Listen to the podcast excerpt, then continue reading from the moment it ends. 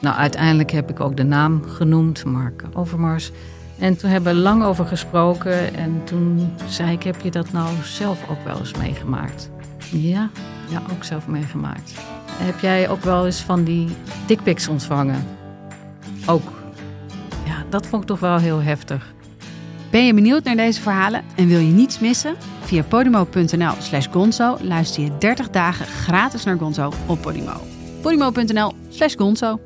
We leven in een wereld vol problemen. Het milieu gaat kapot. Burgers radicaliseren aan de lopende band. Poetin is een dictator, Biden is dement, Trump is een crimineel. En de tuin van Huberto Tan schijnt een zootje te zijn. Dus dit is het moment voor twee comedians, Vera van Zelm en Sander van op Zeeland, om de wereld te veranderen. Alles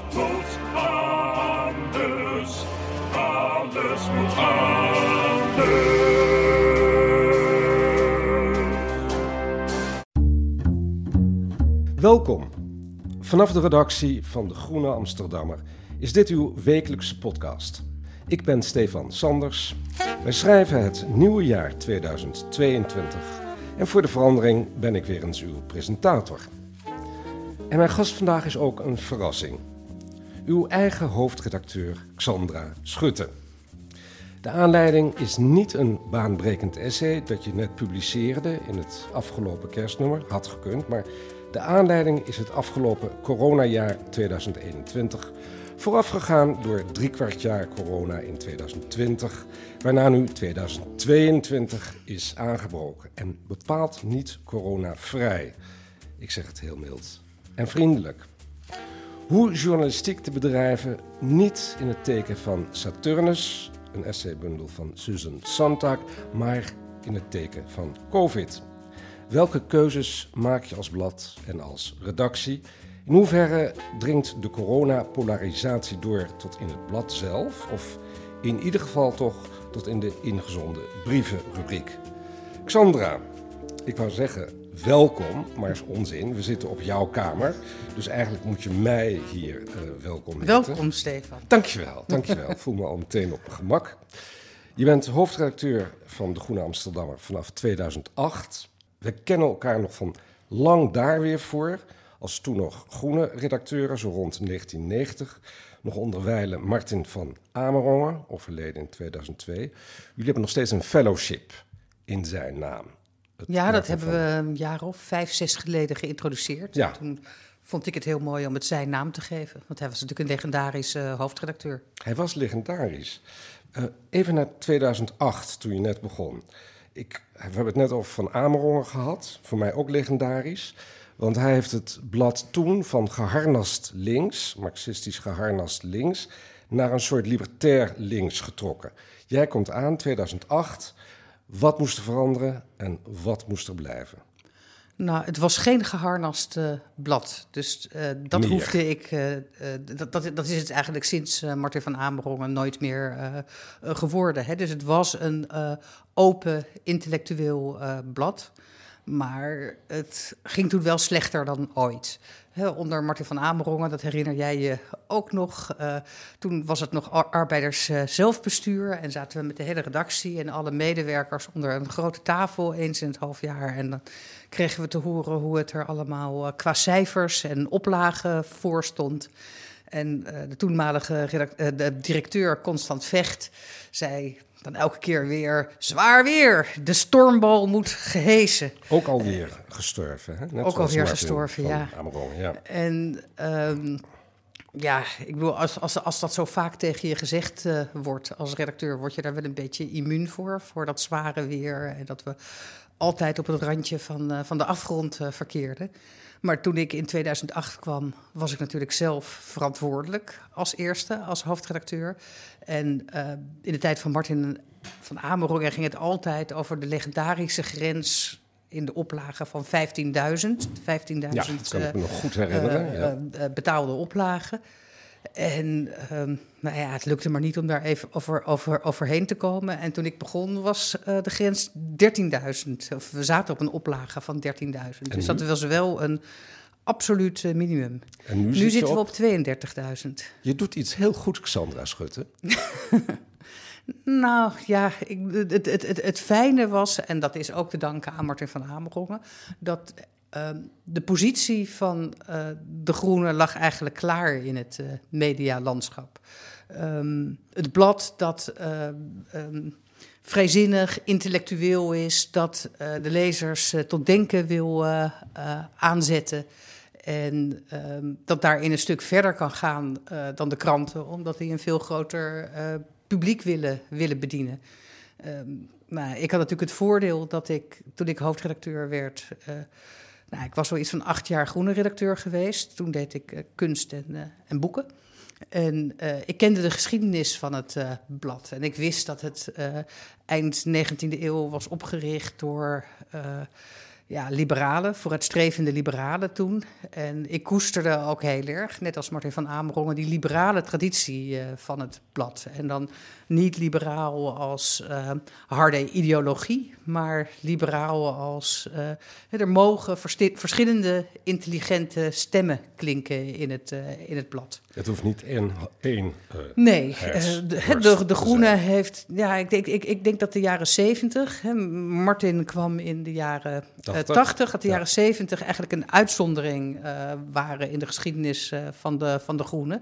Omdat het toen. eh, nou ja, jij zei het al, een stuk uh, geharnaster was. Het, was uh, hè, het uh, blad leunde niet aan tegen de sociaaldemocratie. Die was, die was veel te burgerlijk. Dus het was echt nou ja, uh, behoorlijk links. Wel een soort radical chic zat er ook, uh, nou, ook, ook, CPN, uh, ook in. Hè? Veel CPN'ers waren er ook. Ja, CPN'ers, PSP. PSP'ers. Um, um, en nog weer links daarvan. Nou ja, en er was een soort versmelting met actiegroepen. Ja. En toen was ook de tijd, en dat, dat, dat, dat gebeurde onder Martin nooit. En, en, en de afgelopen jaren ook niet, dat de redactievergadering uren ging zitten. En eigenlijk zo lang ging zitten vergaderen tot er, totdat er een redactiestandpunt was geformuleerd. Hè? Hoe staat de Groene tegenover Cuba? Of hoe tegenover Chili? Of hoe tegenover de DDR? Dat gebeurt ja, helemaal niet meer, hè? Nee, nee. Hoe denken wij over China, inderdaad? Ik kan me de, de, de discussies van vroeger nog wel herinneren. Het ging toen niet zozeer... Ja, trouwens ook over China, maar vooral Ja. ook over socialisme in het algemeen. Ja. De afbrokkelende eh, socialistische heilstaten in het oosten. Hoe moest je dat zien? Solidarność in Ja. Polen, hè, door Ja. opkomende eh, vakbond. Eh, dat gebeurt allemaal niet meer. Maar nu even heel praktisch. Ik zei het al, journalistiek in tijden van COVID...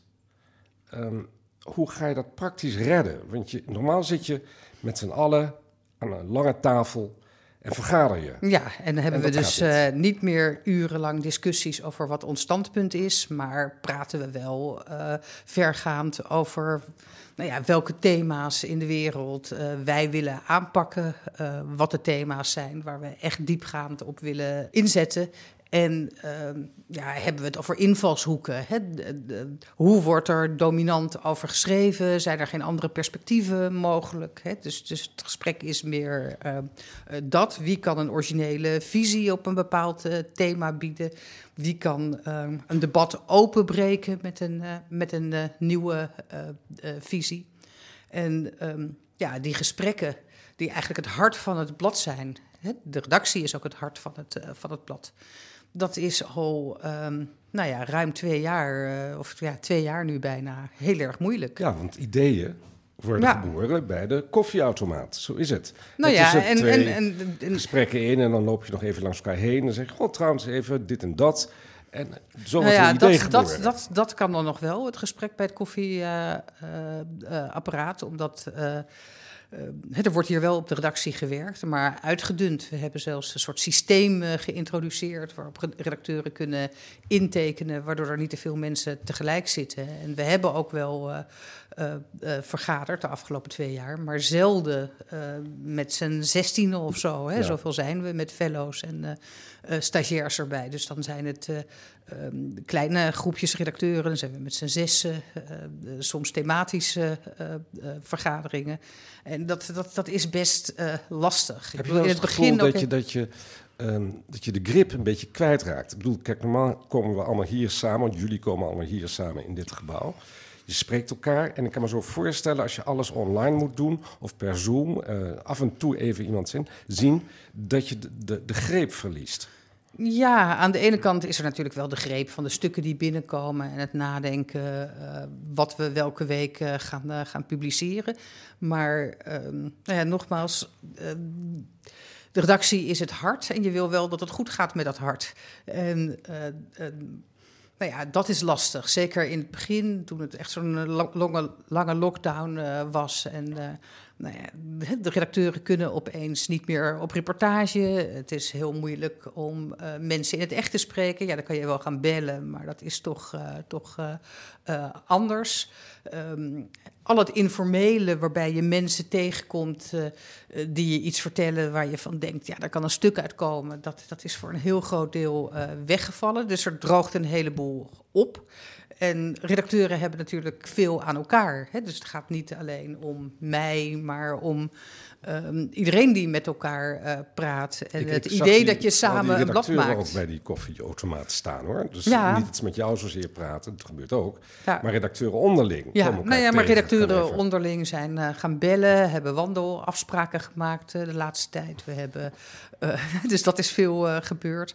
We hebben um, vorig jaar en begin dit jaar volgens mij ook nog een aantal keren in uh, een kerk hier een paar panden verder uh, vergaderd. Want dat is een ontzettend grote ruimte en daar kan je met z'n zestien keurig op meer dan anderhalve meter afstand zitten. En ja, het is een beetje bevreemdend, omdat je echt gedragener moet praten om elkaar te kunnen verstaan, maar tegelijkertijd heel fijn. Dus om... jullie zijn eigenlijk hard op weg om een doopsgezind blad ja, te worden. het is een doopsgezinde, het is een doopsgezinde kerk, kerk, hier ja. het Singel in Amsterdam. Um, nog even over COVID. Ik bedoel, je hebt al verteld hoe lastig het is voor redacteuren.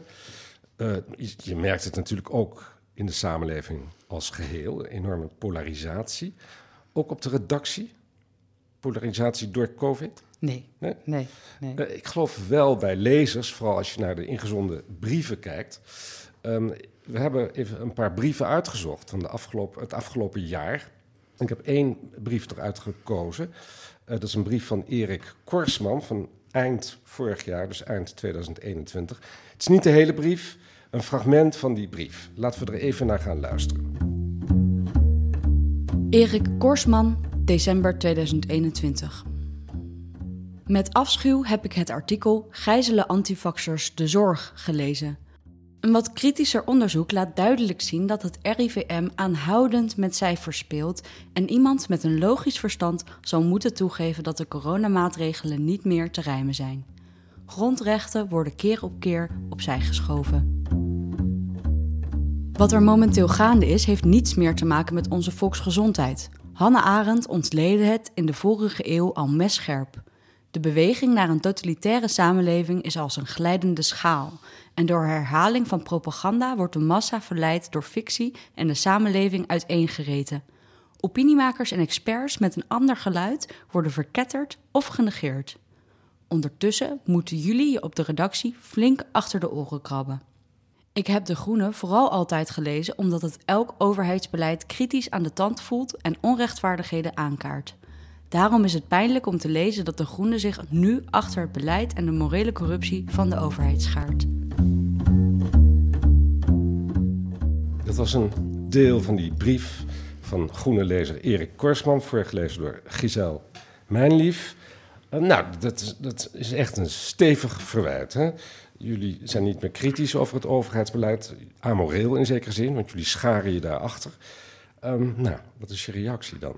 Nou ja, dit, dit is een uh, brief die staat voor heel veel brieven ja. die uh, uh, ik sinds de coronacrisis heb, heb gekregen. Um, ook opzeggingen van mensen die ons niet kritisch genoeg vinden. En ehm, nou, ik vind dat heel lastig, omdat in mijn ogen we wel degelijk heel kritisch over het overheidsbeleid schrijven. Um, maar in een andere richting dan veel van de ingezonde brievenschrijvers. He, we hebben um, um, op allerlei manieren laten zien hoe de aanpak van de Nederlandse overheid inconsequent is. Uh, hoe uh, de overheid steeds achter zichzelf aanholt, met maatregelen te laat komt. Uh, um, nou ja, hoop dat ze alles achter een cockpit goed kan regelen, maar dan of steeds te laat is. En met, met grote pieken in besmettingen. We hebben kritisch geschreven over hoe de zorg ervoor staat, die zo is uitgekleed dat, dat we eigenlijk helemaal niet voorbereid zijn op een uh, pandemie. We hebben nou ja, een hele reeks uh, onderzoeksverhalen gepubliceerd. Gedeeltelijk van Investico, gedeeltelijk van... Uh, Investico is de... ja, het is platform voor onderzoeksjournalistiek waar we innig mee samenwerken. Um, nou ja, een hele reeks onderzoeksverhalen naar aanleiding van corona over hoe het ministerie van WVC geen uh, regie heeft. We hebben een hele, onze redacteur Koen van de Ven heeft een hele reeks reportages vanuit de GGD gemaakt, waarbij je ook ziet hoe, hoe, het, uh, hoe het beleid uh, knelt. We hebben dat is allemaal weerwoord, maar is er een ja. kern van waarheid in het verwijt van Erik Korsman? Nou, even nog wat breder dan zijn brief. We krijgen ook heel veel uh, brieven van mensen die boos op ons zijn, die de ernst van uh, corona uh, weerspreken. Hè, die ook schrijven dat het maar een griepje is. sommige mails, daar vinden we uh, er wordt een lijst met uh, wetenschappelijke stukken of pseudo-wetenschappelijke stukken bij, uh, bijgevoegd die we zouden moeten lezen voor een ander standpunt. Ik vind dat heel ingewikkeld, omdat we hebben een gespecialiseerde corona-redacteur, Job de Vrieze, die heel goed de literatuur bijhoudt en met een breed scala aan specialisten, um, daar, daar, informeert hij zich steeds bij. En je kan niet anders, he, als het om uh, de wetenschap gaat, aansluiten bij um, nou ja, het breed gedeelde, de breed gedeelde visie die er, die er leeft. He, dus ja, er is sprake van een ernstige gezondheidscrisis. En uh, die hebben wij niet betwijfeld. En de briefschrijver heeft voorkomen gelijk dat we, wat die gezondheidscrisis betreft en de ernst van het virus, um, geen um, dissidente uh, stemmen aan het woord laten. Het is wel gebeurd nu, hè? want in het afgelopen kerstnummer. Ja, maar dan gaat het niet over ja, medici. Laat, laat me even ja. vertellen. Want dat was wel interessant. Uh, Olivier van Beemen heet hij geloof ik de auteur. Ja. Of Olivier. Wat zeg Olivier. Olivier van Beemen. Schreef een, een, groot stuk over iemand die die kende. Een horeca-ondernemer. Uh, Nadia Duinker. Dat is een vrouw hier uit Amsterdam die zich gaandeweg de crisis steeds meer ontwikkelde, of nog steeds ontwikkelt, als een soort verzetsvrouw tegen het coronabeleid. Ze is uiteindelijk met haar hele gezin zelfs naar Portugal verhuisd. Uh, ik, ik vond het een interessant stuk om te lezen, maar in mijn omgeving, veel vrienden en kennissen die de Groene lezen, hoorde ik wel dat mensen zich daar nou juist weer aan gestoord hadden en zeiden: ja, zeg, vier pagina's voor dat wappie geklets, moet dat in ons blad? Ja, ja, nee, daar zie je de polarisatie aan. Maar, uh, want we schrijven natuurlijk uh, over corona op heel veel niveaus. Je hebt het uh, wetenschappelijk medische niveau. Wat weten we eigenlijk van het virus? Um, um, we zitten in een situatie dat er per maand meer kennis bij komt. Nou, dat is wat je op de Friese heel goed doet. We schrijven op het niveau van de overheid en instellingen. Hoe pakken ze de crisis aan. We schrijven op het niveau van uh, de samenleving. Wat doet het met, uh, met de samenleving? Nou ja, daar past zo'n uh, profiel in van iemand die zich helemaal van de overheid is gaan Heb afkeren. Heb je nog over getwijfeld in de redactie? Moeten we dit plaatsen? Moeten we dit niet plaatsen? Nee, want ik, ik, ik ga er toch nog altijd van, van, van, uit, hoewel dat in deze tijd wel moeilijk is, dat wij, een, uh, dat wij zeer intelligente lezers hebben die je niet hoeft voor te kouwen uh, wat je ergens van moet vinden.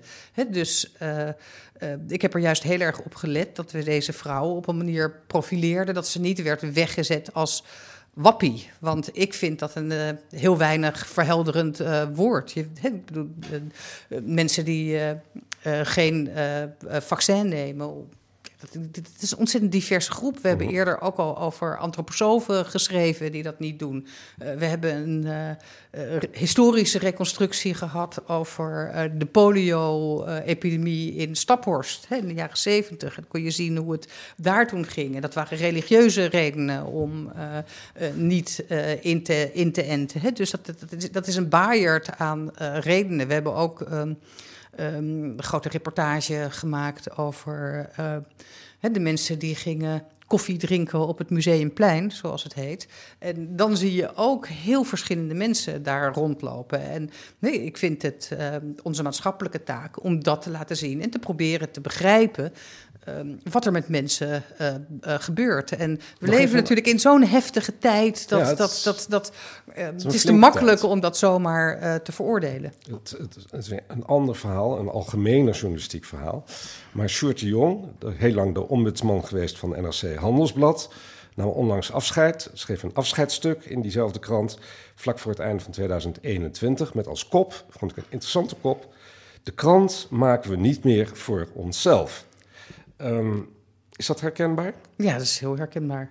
Je ziet dat. Um, um, nou ja, ik weet niet of er een tijd is dat je helemaal de, het, überhaupt helemaal de krant voor ons uh, zelf maakte. Maar uh, de lezer praat uh, terug. Ik heb heel veel mails gekregen, veel meer dan we kunnen publiceren. Ook een heleboel mails die niet worden uh, opgestuurd ter publicatie, hè, maar om mij op te voeden en om mij op te voeden. Uh, een bepaalde kant op te, ja. te, te, te, sturen, of het blad een bepaalde kant op uh -huh. te, te sturen. Dus uh, lezers denken mee en uh, uh, praten, praten terug. En je ziet dat je eigenlijk nergens over kan schrijven. Of het nou over de randen van het land is. Hè. Daar hebben we veel over geschreven. De spanning tussen de stad en de, en de regio. Nou, de regio roept meteen: schrijf niet, van, niet te veel vanuit randstedelijk perspectief. Hè. Dus dat, dat maakte ons ook heel bewust van hoe we over dingen schrijven. Ja, het blad heet De Groene Amsterdammer. Ja. Hè? Dus het verwijt ligt voor de hand. Um, maar er zit natuurlijk ook een andere kant, een gevaar. Hoe mooi dat misschien ook is dat de lezer heel veel invloed heeft op dat blad en ook meepraat.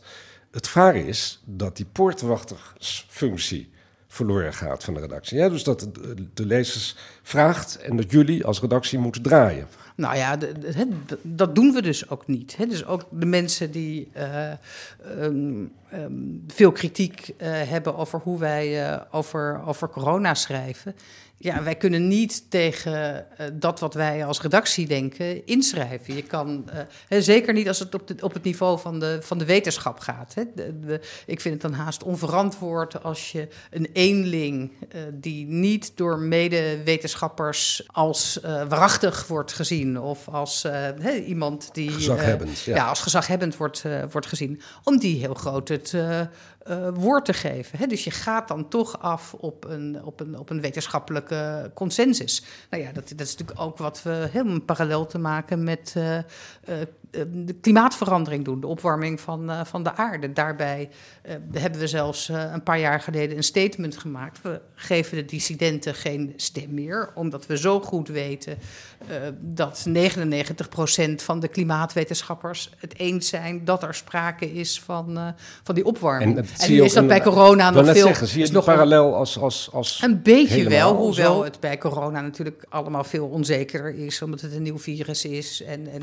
hè, we, we, zijn aan het schrijven terwijl um, alle nieuwe inzichten nog, nog, nog, nog moeten komen. Hè, we, we, zitten nu met de Omicron-variant... Uh, en we weten nog niet precies of die nou... Uh, um, echt een stuk uh, uh, minder ziekmakend is. Ik bedoel, er zijn allerlei signalen, dat is bemoedigend, maar, maar dat maakt het natuurlijk en hoe heel, heel lastig. die dan toch nog weer is, die, ja. je weet het niet. Dus je bent aan het schrijven.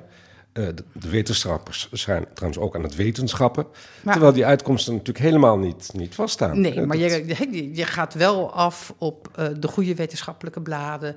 Als, als je iets met een wetenschappelijk stuk doet, dan uh, bel je daar met andere wetenschappers over hoe serieus moeten we dit nemen. He, je kan nooit zomaar een geïsoleerd wetenschappelijk stuk nemen. Omdat er nu zo he, tienduizenden COVID-stukken zijn er gepubliceerd de afgelopen twee jaar. Niemand heeft het, uh, niemand heeft het overzicht.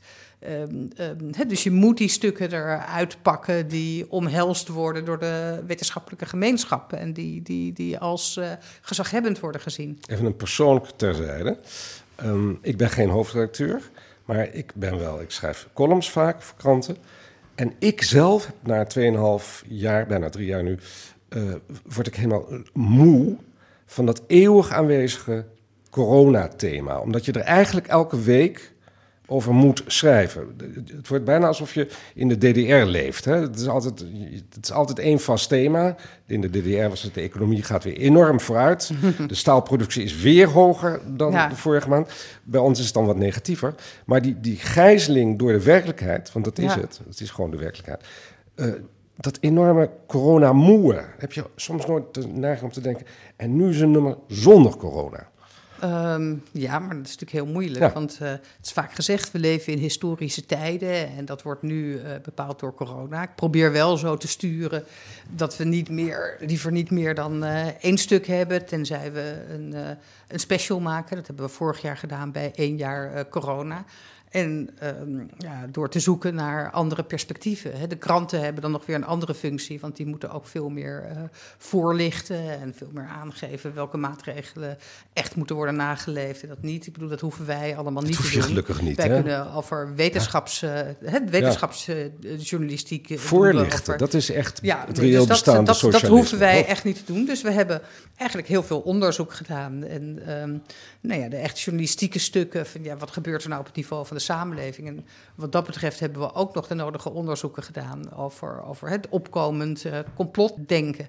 We hebben de, uh, een niche in onze uh, onderzoeksjournalistiek, data en debat. En dan doen we met de Utrecht Data School doen we grote onderzoeken. Um, ja, naar grote Twitter-bestanden of, uh, of uh, nou ja, Facebook soms. En, uh, en dan kijken we waar, waar, waar, komen die corona-complotten vandaan. En dan, ik bedoel, dat, dat, dat is niet waar onze lezers veelal mee komen. Hè. De, de ergste complotten gaan over Bill Gates en 5G en um, geïmplanteerde zendertjes en zulke, soort, soort dingen. Maar ook dat is natuurlijk heel interessant en ook heel verontrustend hoe, hoe groot dat is. Nou, het gaat over het uiteenscheuren van ja. een samenleving. Ja, en, en, en kijk, op het niveau van de samenleving.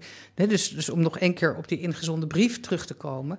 Hè, um, um, um, wij uh, gaan ervan uit, en, en, en bedoel, kijk naar de wereld, die bewijzen zijn er dat uh, COVID-19 een uh, heel naar virus is. Dat hè, er meer dan bij de griep mensen in het ziekenhuis belanden en. en uh, overlijdt. Dus er is een uh, uh, gezondheidscrisis. Da daar kan je niet omheen. Dus als het gaat over de druk op de zorg en dat de zorg wordt gegijzeld door corona, ja, dat lijkt mij gewoon een feit. In de zin dat er worden allerlei gewone operaties die soms ook heel erg dringend zijn. Want als je een nieuwe een hartoperatie nodig hebt, dan, dan, dan, dan, loop je ook met een tijdbom in je lijf. Het wordt nu uitgesteld. Uh, tegelijkertijd schrijven wij natuurlijk heel kritisch over die aanpak. En um, hebben we ook kritisch geschreven over de introductie van uh, 2G en 3G. En als het om de grondrechten uh, uh, gaat. Um, ja, ik bedoel, je hebt met verschillende, nou ja. botsen, je hebt met verschillende botsende grondrechten te nou ja, maken. Het gekke is, ik bedoel, ik kan me een, een brief herinneren van weer iemand anders. Die schrijft dat de Groene de solidariteit met de gemarginaliseerden opgeeft. En met die gemarginaliseerden bedoelt zij dan de ongevaccineerden. Ja. Dus dat is een begrip van solidariteit. Tegelijkertijd kan je natuurlijk ook zeggen...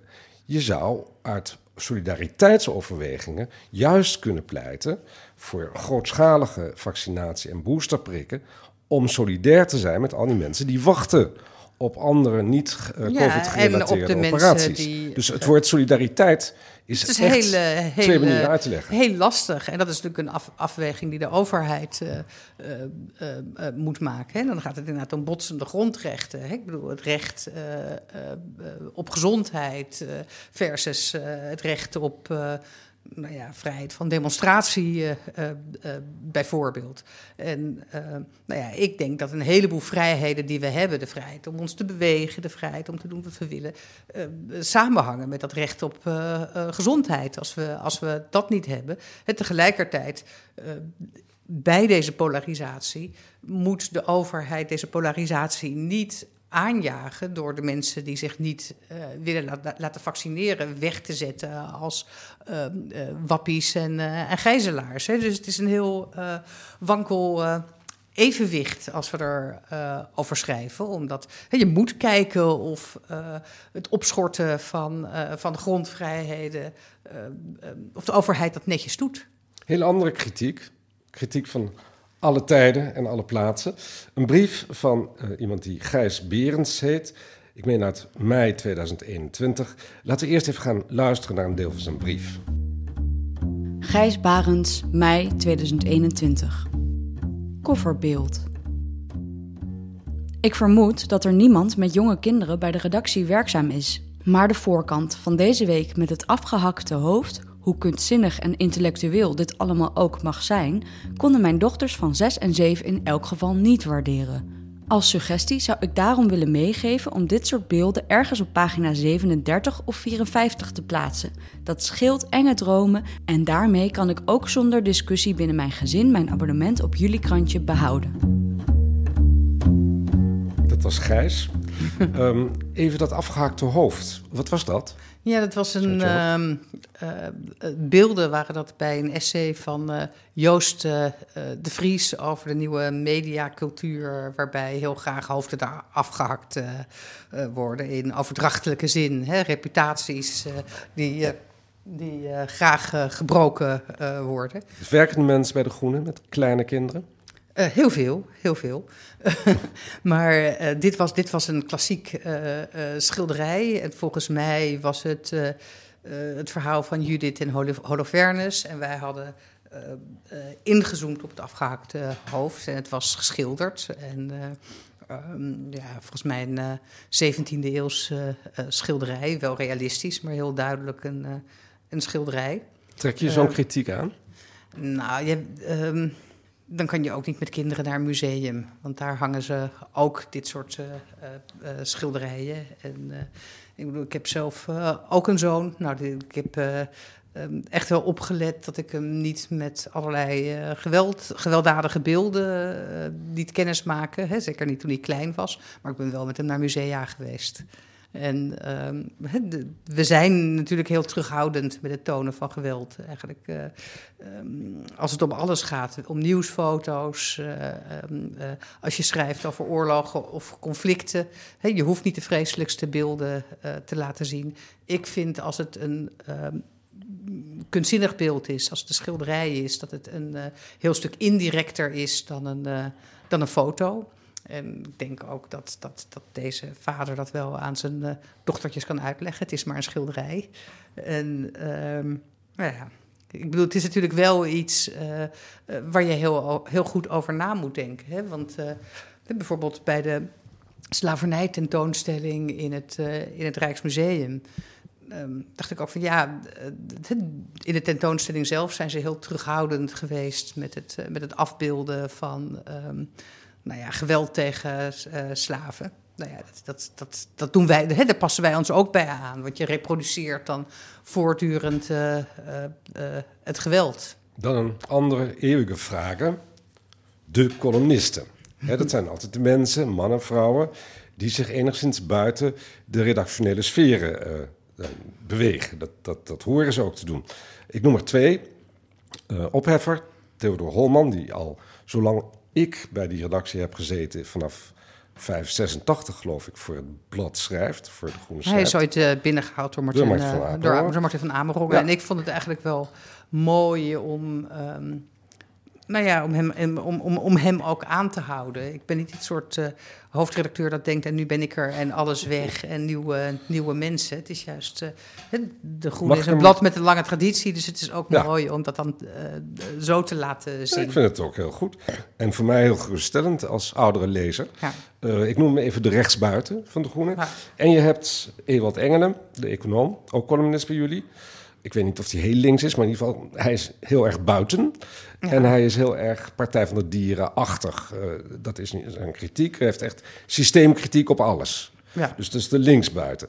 Er zijn vast heel veel mensen die zich aan beide storen.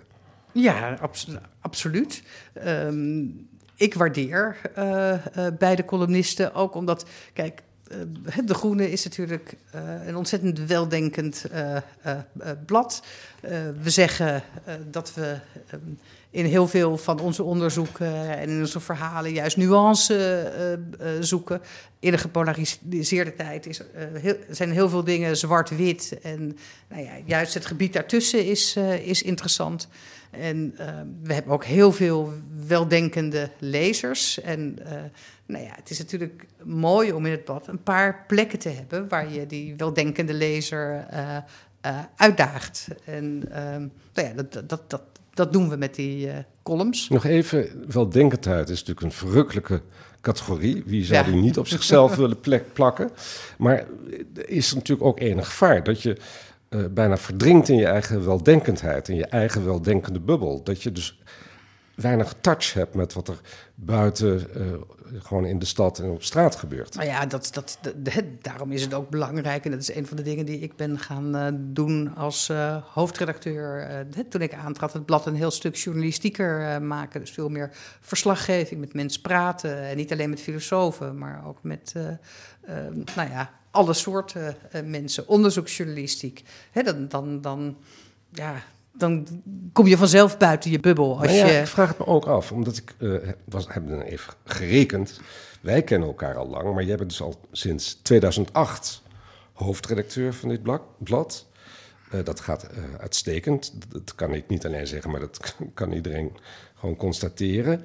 Je gaat je veertiende jaar in. Ik ken je ook als vriend. Je bent echt volkomen vergroeid met het blad. Je bent als een le- leeuwin voor de redactie en als een leeuwin voor je medewerkers. En dat moet misschien ook, maar soms als vriend denk ik... Goh, ik ben dan zelf katholiek geworden.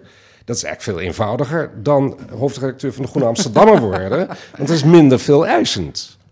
nou, dat weet ik niet. Maar, Nou, dat, dat weet ik wel. Ik zie de tijd die erin Maar- stopt, maar ook de emotionele aandacht die het kost.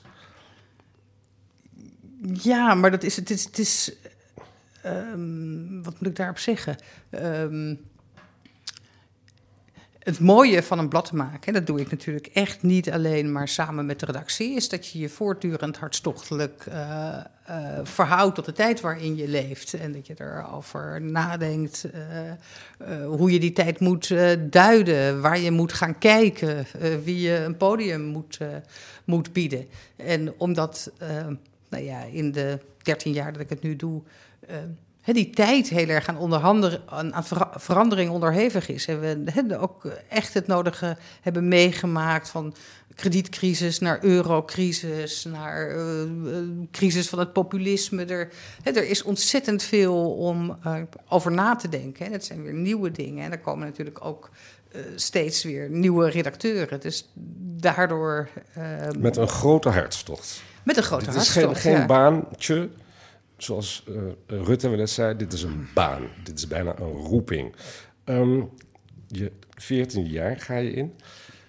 Is er een soort einddatum voor jezelf? Dat je zegt, nou, dan wil ik stoppen. Dan Ja, dat moet je natuurlijk anders. nooit eh, zeggen. Want het Nou, is toch een beetje als ik een het voetbal, eh, voetbaltrainer. Dan het ben je meteen vragen. je eh, gezag kwijt. Ja. Ik zeg altijd tegen de redactie... nou, denk aan Bob Silver van de, de New York Review of Books. Die deed het tot zijn... tot zijn dood. En hij werd geloof ik 87. En op het laatst had hij nog een eh, sofa op de redactie staan... waar hij ook kon, kon, eh, kon, eh, kon slapen. En Als hij was een ben- legendarische redacteur. Ja, en jij Dus, bent eh, 58, hè, nu? Ja, Nou, dan hebben we nog even voor de boeg, ja. zou ik zeggen. Ehm dankjewel, Xandra, Xandra Schutte, hoofdredacteur, geïnterviewd in de eigen kamer. Heerlijk. Dankjewel. Dankjewel, Stefan. Verder nog deze week in De Groene. Een reportage over dalende misdaadcijfers, maar tegelijkertijd toenemend excessief geweld onder jongeren. En analyses over Rutte 4 tussen droom en daad. En Nederland als witwasparadijs. Ook Hoe verhouden de EU, VS en de Wereldbank zich tot de Taliban-regering in Afghanistan? Plus een essay over de onzichtbare, maar alomtegenwoordigende intelligentie van AI, Artificial Intelligence. Lees deze week in De Groene. Voor een proefabonnement gaat u naar groene.nl. U kunt ook sterren geven in de podcast-app, dat weten we ook weer waar wij aan toe zijn. Volgende week is er weer een podcast met analyses en achtergronden. Bij nieuws en bij essays. Deze week werd de Groene podcast gemaakt door Giselle, mijn lief, die ook brieven voorlas, Rosa Ilona en Stefan Sanders. En u hoort nu onze eindtune, A Tune for N, van Paul van Kemenade. Tot de volgende podcast.